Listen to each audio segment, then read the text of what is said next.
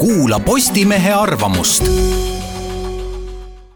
Postimees kahekümne kuuendal oktoobril kaks tuhat kaheksateist. uus moraaliküsimus Riigikogu kulukassas Eesti parlamendi kuluhüvitiste korda ei peaks enam tõtakalt muutma ja katsuma veel täpsemate reeglitega keelata käskida seal, kus tegemist on õigupoolest eetiliste dilemmadega ja või meid huvitab konkreetse rahvaesindaja käitumine, kui ta on nii-öelda rahakotiga üksinda tuppa jäetud. riigikogu on meil vaja, aga me ei taha sinna järgmine kord sulisid valida.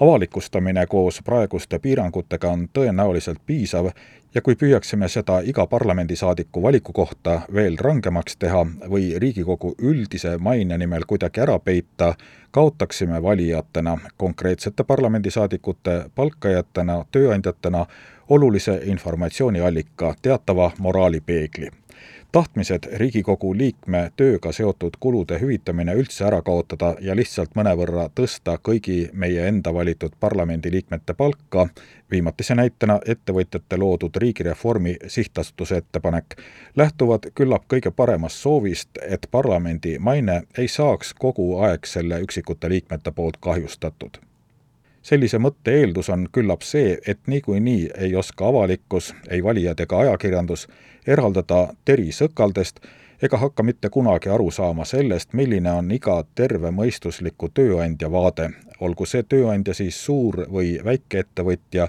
või üheksakümneaastane vanaisa, kes palkab advokaadi oma maaasju ajama. eeldus on see, et ei ajakirjandus ega valijad saa aru, et on vahe töökuludel ja erakuludel, riigi esindamisel ja partei esindamisel.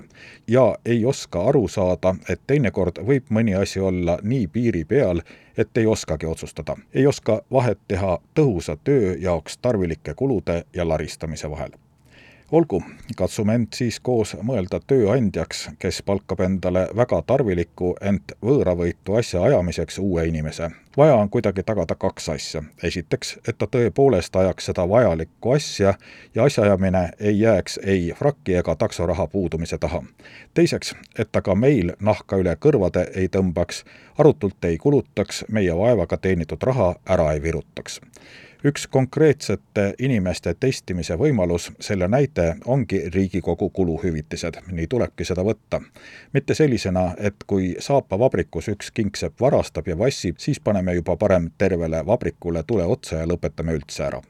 Tänasest lehest leiate terve hulga näiteid kuluhüvitiste kasutamisest, sealhulgas piiripealseid juhtumeid ning ka mõne sellise, mis meie arvates ei lähe mitte kuidagi kokku korraliku inimese moraaliga uus asi on Facebookis erakondliku ja isikliku promo tegemise kirjutamine maksumaksja arvele. umbes nagu torumees esitaks teile eraldi arve selle eest, et ta kiitis te köögis remonti tehes veel ennast kui odaviske, maalikunsti ja koduõlle nautimise harrastajat